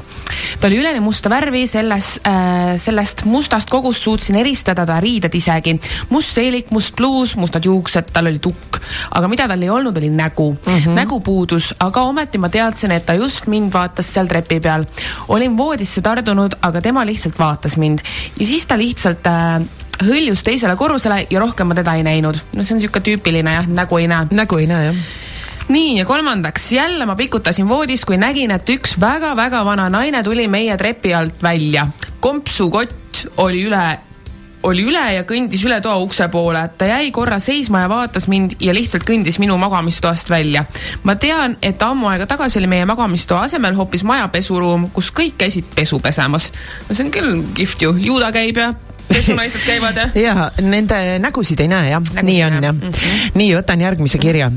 tere, kirjutan ühest veidrast unenäost. helistasin emale, et talle sünnipäevaks õnne soovida ja jutustasin talle öösel nähtud unenäost. olin laevas koos sõpradega, olime kajutis mitmekesi ja sättisime magama. äkki kostub kohutavaid karjeid. Läksime kajutist välja ja nägime, kuidas inimesed kukkusid üle käsipuude laiadele treppidele. Nad hakkasid üksteist kinni püüdma ja end ülespoole rebima. oli hirmus vaatepilt, kukkujaid oli palju ja karjed südant lõhestavad. sama äkki, kui karjumine algas, saabus vaikus. nägin üleval trepikäsipuude juures kaht inimest, meest ja naist. mehel oli seljas kõrgel positsioonil oleva mehe, meremehe pidulik vorm. tal olid vuntsid, naine oli tumedate juustega ja riietatud tumedasse kostüümi. nii lõppes mu uni. veider äh, ja hirmus, ütlesin ka emale. kui oma jutu lõpetanud olin, rääkis ema mulle, mis sel ööl päriselt juhtunud oli. oli kahekümne kaheksanda septembri hommik ja öösel läks põhja Estonia. jah, inimesed näevad neid ette mm. -hmm. Nonii, ma lähen kohe järgmisega edasi siis mm. -hmm. tere, naised, täna on siis see päev, kui esimest korda teile kirjutan, kätt pulsil olen hoidnud ikka pea iga laupäev. lugu järgmine, oskate ehk teie seletada, miks mul tekib teatud ruumides, kohtades mingi seletamatu tunne? seostasin algul seda surmaga, aga elu on näidanud, et alati ei ole lugu äh,, alati ei ole asi selles, et lugu segaseks ei jää, toon näite. olen kogenud osades majades või mõnes ruumis ebameeldivat või nagu hirmutunnet, mitmel korral olen ukselt tagasi pööranud, sest ma ei suuda lihtsalt antud kohas viibida. kord olin majas, kus ühes toas ma ei julenud üksi olla. küsisin siis majaga seotud inimestelt, kas siin on keegi surnud. vastus oli, et ei, aga siin on peetud äh, peiesid. alati ei ole ma saanud äh, seletust, mis teatud ruumis või majas on toimunud, aga mul on seal raske olla. kord oli näiteks äh, toa all kelder, kus oli vamm. kas tõesti tekitas minus ebamugavust selles toas? samuti on vahel mu intuitsioon väga tugev ja olen ka selline nii-öelda käsn, et kui seltskonnas on keegi halva tuju või murega, siis ma võtan selle kohe omaks ja olen häiritud, see on vahel ikka väga väsitav, aga kuidagi ma end välja lülitada ka ei oska. ise olen mõelnud, et kas olen lihtsalt keskmisest tundlikum või lihtsalt natukene peast katki. Eh, minul on sama asi. Ma ei lähe ka teatud ruumidesse, minul hakkab, ma tunnen kohe kõige esimene asi äh, parema käega seda. ma hakkan äh, kätt äh, vastu, vastu pükse hõõruma. Ja, ja see ongi see, et äh, ei pea olema seal ainult surm, seal võib olla valu, seal võib olla keegi olnud raskelt haige, kui ruum on puhastamata. Või äh, seesama kasvõi vamm, et äh, jaa, ka igasugune hallitus, mis, mis iganes. mina ka ei saa olla. Ja see ongi, oledki keskmisest äh, tundlikum ja et mitte ennast piinata, siis ei ole vaja olla sellistes kohtades. mis puudutab seda, et sa võtad teiste inimeste emotsioone endasse, vot selle eest tuleb end kaitsta. sest et äh, need teiste inimeste negatiivsed tunded, neid ei tohi endasse võtta, eriti selle enda tervise kaitseks, sest need võivad sinna hakata sul ladestuma ja tekitama tervisehädasid. ehk äh, sa pead õppima ennast kaitsma, sa pead kasutama mingeid äh, kaitse, kaitsevahendeid mm. -hmm. on see, see asi, see ongi seesama asi, miks ma näiteks peegleid tegema hakkasin. et äh, selline energia tuleb tagasi peegeldada, seda ei tohi endasse võtta. ja, ja ikkagi mina rõhun alati rõhun hästi palju sellele, et enesedistsipliin ja, ja kui on isegi kui oled nagu tundlikum, siis tegelikult täpselt sama nagu igasuguste annetega. anne ei kontrolli sind, vaid sina kontrollid seda. ehk siis, kui sa tahad nagu tegelikult nagu hakkama saada sellega, siis hakka ennast meelega panema sellistesse olukordadesse ja õpi seda olukorda ise kontrollima. ja sest need inimesed, kes räägivad seda, et oi, ära tule mu lähedale, sa oled nii negatiivse energiaga, käi kanni, sa pead elus hakkama saama, kui sa oled selline tundlik, et, et mina tunnen ka ära, kui inimesel on negatiivne energia, aga see on minu probleem, mitte tema probleem, et et nii on, et jah, sellega tuleb lihtsalt äh, tegeleda mm. -hmm. nii, kas võtan järgmise kirja võta? järgmine kiri. oi, kus neid tuleb tuleb, tuleb. Nii äh,, ahaa, töötasin umbes kaheksa aastat tagasi ühes Eesti mõisas toateenindajana, et suvel taskuraha teenida. oo, mõisad, see on põnev teema mm. -hmm. hommik algas siis sellega, et vanem teenindaja näitas äh, selle maja toad ette, andis koristustarbed kätte ja seletas kõik tähtsama ära, mida teadma pean. ta lahkus ja ma jäin sinna majja täiesti üksi, ei olnud seal külastajaid ega teisi töötajaid. selles majas oli kümme tuba, alustasin toast number üks. jäin vaatama seinal üht pilti, kus mees ja naine tantsivad, vene keeles oli pildi alla kirjutatud tango. sel hetkel, kui ma selle tango oma suust välja ütlesin, kukkus keset lauda olev kott laualt maha. sel hetkel tekkis kõhe tunne sisse. järgmisena teises toas vannituba koristades hakkas televiisor ise käima, pilt sahises nagu õudusfilmides. üritasin jälle endale sisel-, sisestada, et elektroonika ikka vahel jamab, vana maja ja nii edasi. panin teleka kinni, järgmisena suundusin teisele korrusele. teisel korrusel koristasin tuba, mis asus nurga taga. puhta voodipesu saamiseks pidin minema koridori ja seal oli üks suur vana antiikne kapp. Võtsin pesud, panin ukse kinni ja järsku ma tardusin. keegi oleks nagu sosistanud mulle kõrva sisse ja minust läks mööda jäine õhk. aknad olid kinni, uksed olid kinni ja ei saanud öö, olla tõmbetuul, oli soe suvi. peale seda ma jooksin paanikas tuppa, koristasin lõpuni ja jäänud oli veel kolmas korrus. mul tuli korraga meelde, et keegi kunagi rääkis, et kui lähed uude kohta, kus võib olla vaime, siis tutvusta end ja räägi endast. nii ma siis läksin sinna kolmandale korrusele, kus oli kaks tuba üksteise vastas. rääkisin omaette, mis mu nimi on, kes ma olen, mida ma siin teen. sel hetkel hakkas vastastoa ukselink vaikselt üles-alla käima. seal toas polnud kedagi kui ma lõpuks selle maja sain kabuhirmus ära koristatud, panin sealt nii kiiresti jooksu, kui sain. peale seda päeva ei ole ma sinna tagasi läinud. külastajaid on, külastajad on ka rääkinud, et on kuulnud, kuidas öösiti keegi kõnnib trepil, trepp kriuksub ja nii edasi. seal vist kunagi oli ära surnud kaks last ja naine, armu kolm, armu kolmnurga teema või midagi taolist. selline oli minu esimene ja viimane kogemus üleloomulikuga. paljud arvavad, et noore tüdrukuna kujutasin seda endale ette, kuid need tunded ja see sosin kõrvus on siiani meeles mina siiski usun, et need vaimud on uudishimulikud, kuna ma olin uus. ja nii on. kui sa lähed ming-, mingi, mina olen ka nii kogenud seda endal töö juures, et et seal ka kummitas ja, ja ka kohe ta tuleb ennast näitama, et kes sa siis oled ja mis sa teed. siis tuleb temaga lihtsalt sõbraks saada, et kui tema oli seal enne, siis aktsepteeri seda ja äh, seda sosinat mm,, muuseas Laitse lossis Jah. on ka trepi peal, kui lähed üles, siis täpselt ühe koha peal on see, et alla, on, hüppa alla. me läheme täna Amendesse, seal on alati põnev. Amendes on ka põnev, Amendes ka kummitab ja, põnev. ja et meil on täna Pärnus vastuvõtud ka Just. Amendes, nii et, et seal on ka alati põnev jah. aga positiivne sellise asja puhul on, et kui sa, kui sa pead üksinda maja koristama või töötama kuskil majas, siis sa tegelikult ei olegi kunagi üksinda, kogu aeg on kellegagi suhelda. sul on seal seltskond ja ja nemad tahavad ja nendega tuleb suhelda ja, ja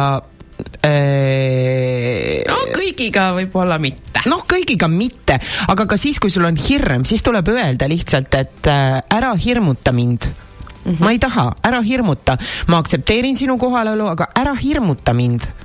et äh, see on ka jah, Nonii, ma lähen kohe järgmisega edasi. Aastaid tagasi, kui kõiki tabas see esoteerika hullus, siis nats ikka mind ka. kõik käisid poes ja ostsid endale neid imekivikesi, mis kaitsevad ja aitavad meid kõiges. eks nad ole ju ka, ka ilusad ja ikka loodavad ka võimetesse. nii sai siis äh, ka endale ostetud esimene tähtkujuline sobilik sõrmus tähtkujule sobilik sõrmus, aga paari päeva pärast oli kadunud. mis siis ikka, läksin, ostsin endale uue ehtekese ja jälle kahe päeva pärast kadunud. nii ma siis ostsin neid endale kaela, sõrme, kõrva ja käe ümber, aga kõik kadusid ja nii kadusid, et kuskilt ei leia vaatan nüüd teiste ilusaid kivikesi, aga endale enam ostnud ei ole juba nii viis aastat midagi, et niikuinii kaob jälle jäädavalt. kõik teised ehtekesed seisavad ilusti kaelas, kõrvas ja kuhu iganes panen. vot see on minu jaoks müstika, miks nad siis, miks nad siis nii kaovad? Teie saade oli tore, annab just mulle selle oma aja, teen vaikselt oma toimetusi, kuulan teie saadet ja keegi ei sega. just see, mida ühte nädalasse vaja, kaks vaba oma tundi. vot kui ehted niimoodi ära kaovad, siis äh, nad ei ole mõeldud sulle ja siis ei kanna ära vägisi neid enda külge seo mm. -hmm. nii, tere, mul on kaks juhtumit, kus tahaks öelda, et keegi seal üleval hoiab mind. elan maal ja pidime hakkama linna sõitma. küll aga ei saanud rahus äh, teele minna. viis korda pidin tuppa tagasi minema, ununes üks asi ja meelde tuli too asi. neljanda korra juures juba naersin, et miks ometi ei saa sõitma hakata. lõpuks maanteel olles nägin, et linnapiiril oli raske avarii juhtunud. hoiti mind õnnetusse sattumast teisel korral olin töölt tulles väga väsinud ja Lasnamäe kanalis ja sõites jäin magama. ehmusin üles, kui nägin autol mootori tuld viis korda vilkumas. auto oli uus ja just hooldusest tulnud. viisin järgmine päev kontrolli, ei leitud põhjust, miks nii juhtus. ei enne ega hiljem vilkunud midagi, sisimas arvan, et keegi andis mulle lihtsalt märku. ja kui on sellised asjad, et äh, pidevalt jätad midagi maha ja nii edasi, et pead tagasi minema, siis tuleb minna tagasi, sellepärast et äh, siis ei tohi veel lihtsalt minna. Okei okay., Nii. võtan järgmise. no võta järgmine. minu suured kummardused põneva teema eest. minuga juhtus novembris raske õnnetus, selja tagant kukkus üsna kõrgelt kuue kuni kuus, kuuskümne kilost kasti pähe ja selga, suur ime pidavat olema, et olen elus. enne seda hommikut hakkasid minuga juhtuma imelikud asjad. eelneval õhtul panin tööle süüa kaasa, tavaliselt olen pannud üheks korraks, seekord panin kaheks päevaks. samal ajal oleks keegi mulle nagu kõrva sosistanud, et miks sa nii teed, äkki sa ei peagi enam tööle minema, vaata kui juhtub midagi. Hommikul tööle sõites hakkas mu telefon ise mu isale helis- helistama autoga sõites on mul telefon kõrvaltooli peal, eks ta arvas, et pean isaga rääkima. hommikul tööl olles tundus kõik teisiti. viisteist minutit enne õnnetuse juhtumist nägin kõike eemalt nagu aegluubis. inimesed tundusid hästi kauged ja siis see juhtuski. olen tänulik, et olen elus. ja veel, circa kümme aastat tagasi suri ära Ameerika vanaonu, kelle tuhk saadeti Eestisse. elasime tookord koos ämmaaiaga, äi pidi korraldama matused. muidugi tõi ta tuha koju, pani vanaonu pildi kõrvale, suure äh,, suurde tuppa riiuli peale tol päeval olin mina üksinda kodus koos aastase lapsega, tegin äh, köögis süüa ja kui kuulsin toas mürtsatust, läksin vaatama raamaturiiulist, mis oli tuugalt raamatuid täis, oli maha kukkunud raamat. see oli Tõde ja õigus ja poole raamatu pealt lahti. ma ei osanud midagi arvata, surusin raamatu tagasi riiulisse ja omade toimetuste juurde ja Läksin tagasi omade toimetuste juurde. see raamatu kukkumine toimus veel kokku kolmel korral. kahjuks ei lugenud ma tol korral, mis koha pealt see raamat avatud oli, ehk oleks ikka pidanud. Õnneks sai ka armas äi aru alles äh,, aru selle juht, juhtumise peale, küllap ta koges ka ise midagi, et tuhka kodus ei tohi hoida. ta viis selle siis kirikusse hoiule matusteni. see periood oli meile keeruline, kuna olime otsimas endale oma kodu. küllap vanaonu tahtis läbi Tõe ja õiguse raamatu meile midagi teada anda. olete imelised? jah, kui ikkagi niimoodi kukub mingi ühe koha pealt lahti, siis loe läbi. jah, ja, ja palun tuhka ei tooda koju. mitte kunagi. mulle üks inimene ütles veel, et tema mingid targad sugulased, kes olla ka kusagil kursustel käinud, soovitasid tuha kaela panna endale, pane mingi kotikesega kaela. ma küsisin, et aga kui ei oleks tuhastatud, siis kas paneksid käe või jala või varba või mille sa riputaksid kaela endale? meil on pausikoht. sa kuulad raadiot Star FM. Eetris on raadiosaade Suhtes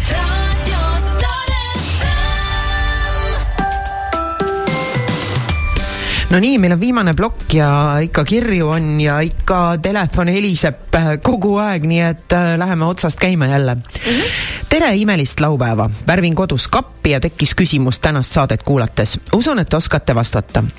vanaema lahkus meie seast viis aastat tagasi, kõik need aastad on ta käinud minu unenägudes. siis, kui mul on olnud rasked hetked või kui tütreke on haige olnud, alati peale tema külaskäiku tean, et kõik saab korda.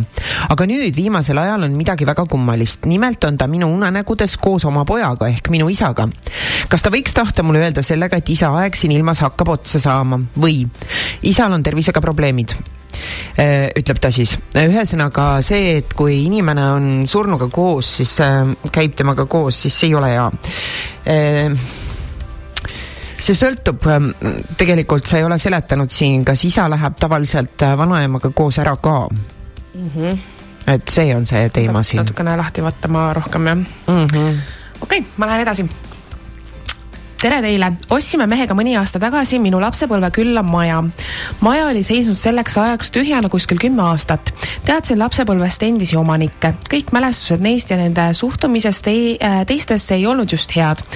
kõik, mida vana abielupaar oma eluajal majja soetas, saime ostuga kaasa. Lähed- äh,, lähedased maja tühjaks ei teinud. seetõttu hakkasime ise seda maja eelmiste omanike asjadeks äh,, asjadest tühjaks tegema. sel ajaperioodil, kui me maja asjadest korrastasime, nägin pidevalt unes samuti maja koristamist. unes käisid abis koristamas ka eelmised omanikud, olid sõbralikud ja abivalmid, küsisid, kuhu või äh, kuhu ühe või teise asja panevad, olid igati abiks ja sellise sisuga unenägusid oli mitmeid, mitte ainult üks kord. peale seda, kui vana maja sai asjadest tühjaks veetud ja maja lammutatud, rohkem vana abielupaari unes äh, näinud ei ole. ei ole ka kordagi enne maja ostu nende peale mõelnud või unes näinud.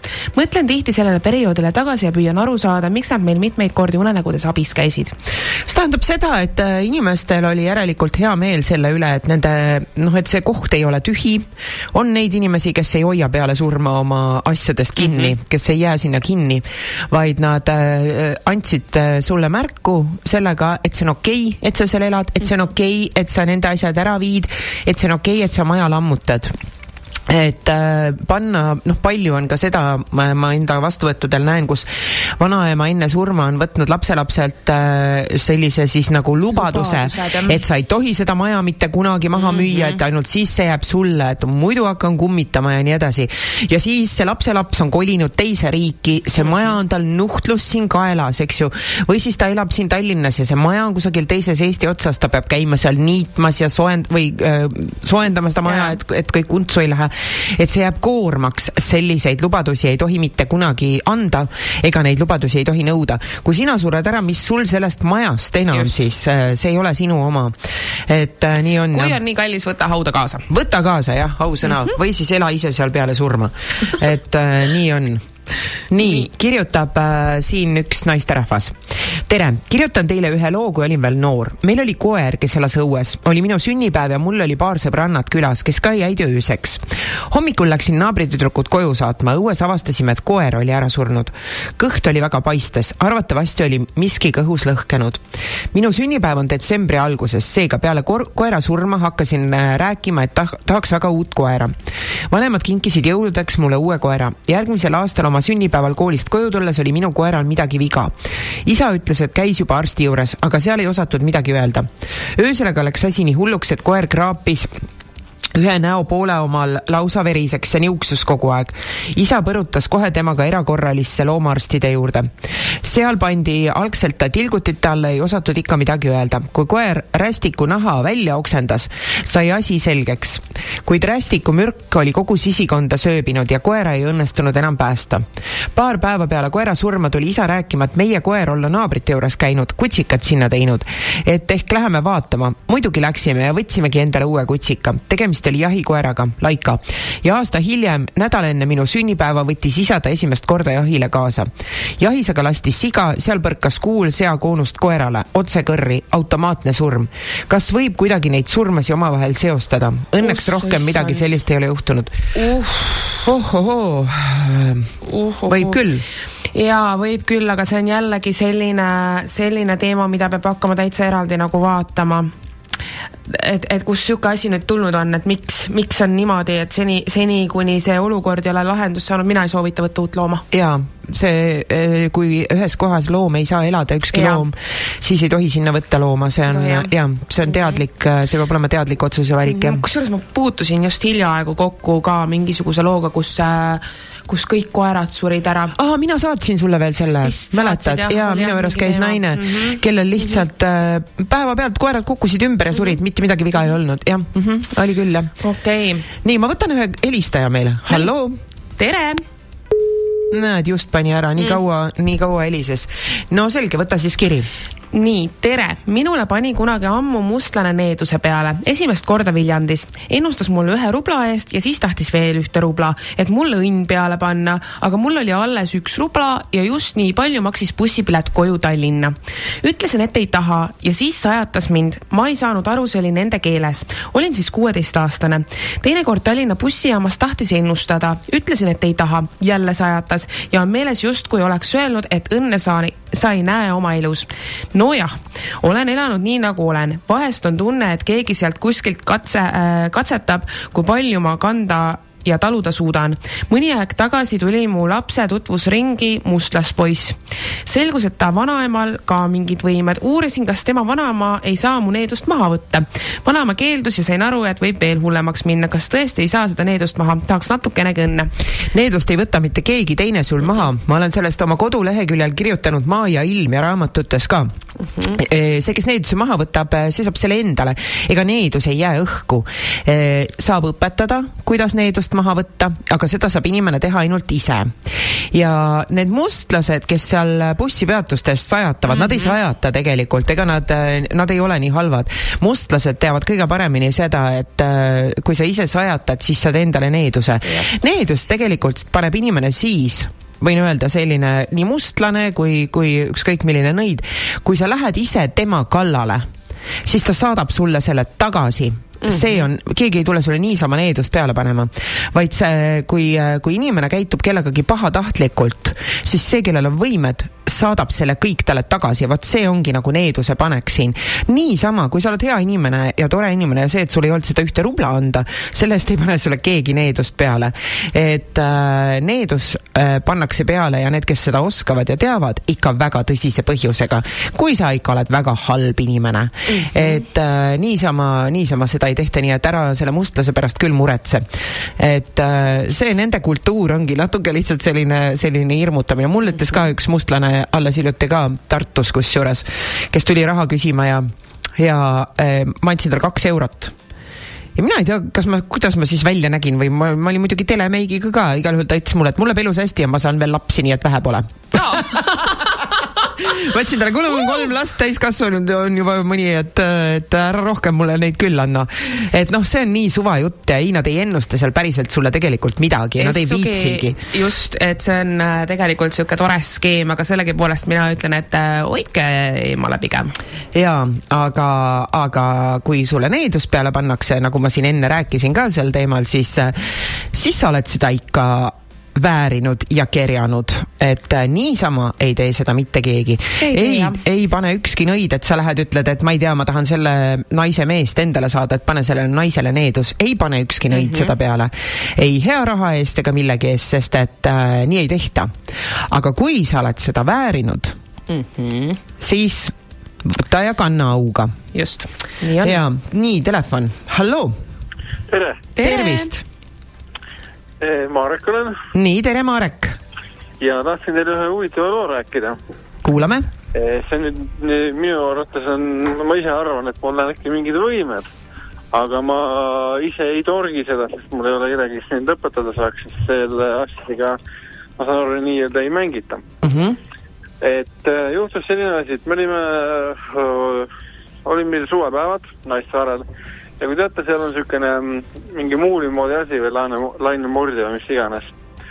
ja siis, kui need lained sinna nii-öelda mm, vastu seda murdet lähevad seal kai ääres, siis nagu pritsib sealt natukene üle Mm -hmm. ja mulle pritsiski seal midagi, mõned piisad näkku. ja kaks kuud hiljem ma olin sõbraga nii-öelda Harku järvel päevitasime. mina jäin päevitama, tema läks suplema. ja ma jäin magama. Ja nägin siis und täpselt sellest samast nii-öelda kai äärest, et mulle pritsis sealt jälle nii-öelda seda vett näkku. ma ei ole seda öö, und näinud ei ennem ega pärast ka, aga öö, kohe, kui ma seda nii-öelda und hakkan nägema, tuli siis lõpuks sõber veest välja ja otsustas mind pritsida siis nii-öelda. ja nüüd mul tekkis see küsimus, et, et äh, miks just siis nägin seda und ja miks just siis ta otsustas mind pritsida, sest ta varem seda nagu pole teinud. kulla, kuidagi, kuidagi liiga hästi klapib noh. ei, need ei ole võimed. ei ole võimet, kulla sõber. ei, need ei ole võimed. See on üks tore kokkusattumus. aga aga ütleme, ütleme nii, et ma kõike siin kirja ei pane. Nüüd ma tahtsin rääkida seda tuha asjust. mul ema suri haiglas, aga enne seda ta ütles, et ta tahab väga-väga-väga koju. aga ei jõudnud. Ja ma tõin selle tuha koju, urni sees. Hoidsin teda seal, ma ei tea, mingisugune äkki võib-olla kuu. Ja panin sinna peale ühe Taimaalt toodud mulle kingituseks ühe äh, siukse, kuidas ma ütlen, selline teokarp, siukene äh, mitte, mitte püramiidi kujul, aga siuke koonus nii-öelda mm. -hmm. ja kunagi, kunagi ma pendliga või tähendab, minu tuttav pendliga vaatas, ütles, et see, see äh, teokarp toob siis, tõmbab mingit positiivset energiat kosmoselt ligi, nagu see pendel seal teeb päripäeva liigutusi. ja seda panin sinna peale. et äh, ma ei tea, kas ma tegin midagi õigesti või tegin valesti. sellest ei ole midagi halba, lihtsalt äh, okei okay,, ema tahtis koju, siis tegelikult on see okei okay,, et sa tood korra koju ja siis viid mm -hmm. kohe minema. et kuu aega hoida tegelikult ikkagi ei ole hea, kodus ei jah, kodus mm -hmm. ei hoita seda ja ka see teokarp, las ta oli, ei sa te sellega midagi halba teinud, aga Jaa, kosmosest no ma- energiat teokarp ei tõmba tegelikult, et äh, noh, pendliga, las need pendliendlid äh, räägivad ja teevad, aga, aga pendliga Äh, mina olen oma ema pildi peal teinud pendliga nii-öelda ringe, see näitab äh, vastupäeva. ilusate inimeste peal näitab pendel päripäeva ringe. ja üks sõber, kes mul siin eelmisel suvel läks, tegin isegi mobiilis tehtud pildi peal, näitas ta mulle päripäeva ringe, kui ta oli surnud, oli vastupäeva ringe. nii et äh, noh, ma ei oska öelda. no väga tore, pendeldage, see on ohutu. Nonii, aga aitäh, Aitäh. ilusat päeva. nägemist. nägemist. pendeldamine on ohutu, pendeldage, kui tahate, et ja. Ei sellega midagi halba tee, et aga, aga ärge sinna liiga sügavalt sisse minge, ärge ingli, ingli reikit ja, ja ma ei tea, ingli asja. iga kord, kui hakkate neid ingli asju tegema, siis vaadake kõigepealt äh, Luciferi pilti, palun. Aga issand, kuhu on Saade on läbi. saade on läbi.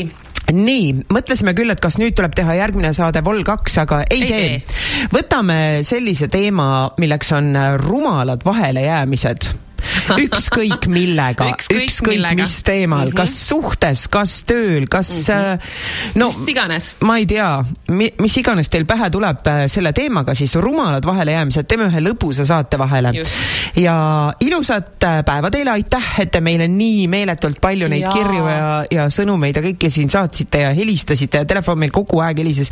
kahju, et ei jõudnud kõiki vastu võtta, et oli üks tihe ja äge saade ja absoluutselt ja kes tahab veel äh, meiega ka kohtuda, siis kahekümne viiendal. Oleme me Vatikanis. kahekümne viiendal on meil vestlusõhtu Vatikanis, seal räägime nendel teemadel ka. nii et piletid on Piletilevis veel saadaval mm, -hmm. vist pidi olema veel pileteid, et äh, meie vestlusõhtu suhetest maagiani ja tagasi ja, ja lahkame seal kõiki neid teemasid, vastame teie küsimustele ja õpetame, kuidas paremini hakkama saada ka, kusjuures peale eelmist vestlusõhtut äh, üks inimene saatis sõnumit, tegi nii, nagu me õpetasime ja võitis kaks korda järjest lotoga ühel nädalal ja ta kirjutas, et ebareaalne rahamaagiat tegime seal. Vot nii, et äh, tulge siis sinna Vatikani kahekümne viiendal ja, ja muidu kohtume siis, Merili on järgmine nädal ka siin., ma olen vist sellest järgmine nädal isegi ka. Merili Puura, Merili Puura. kõike head, tšau.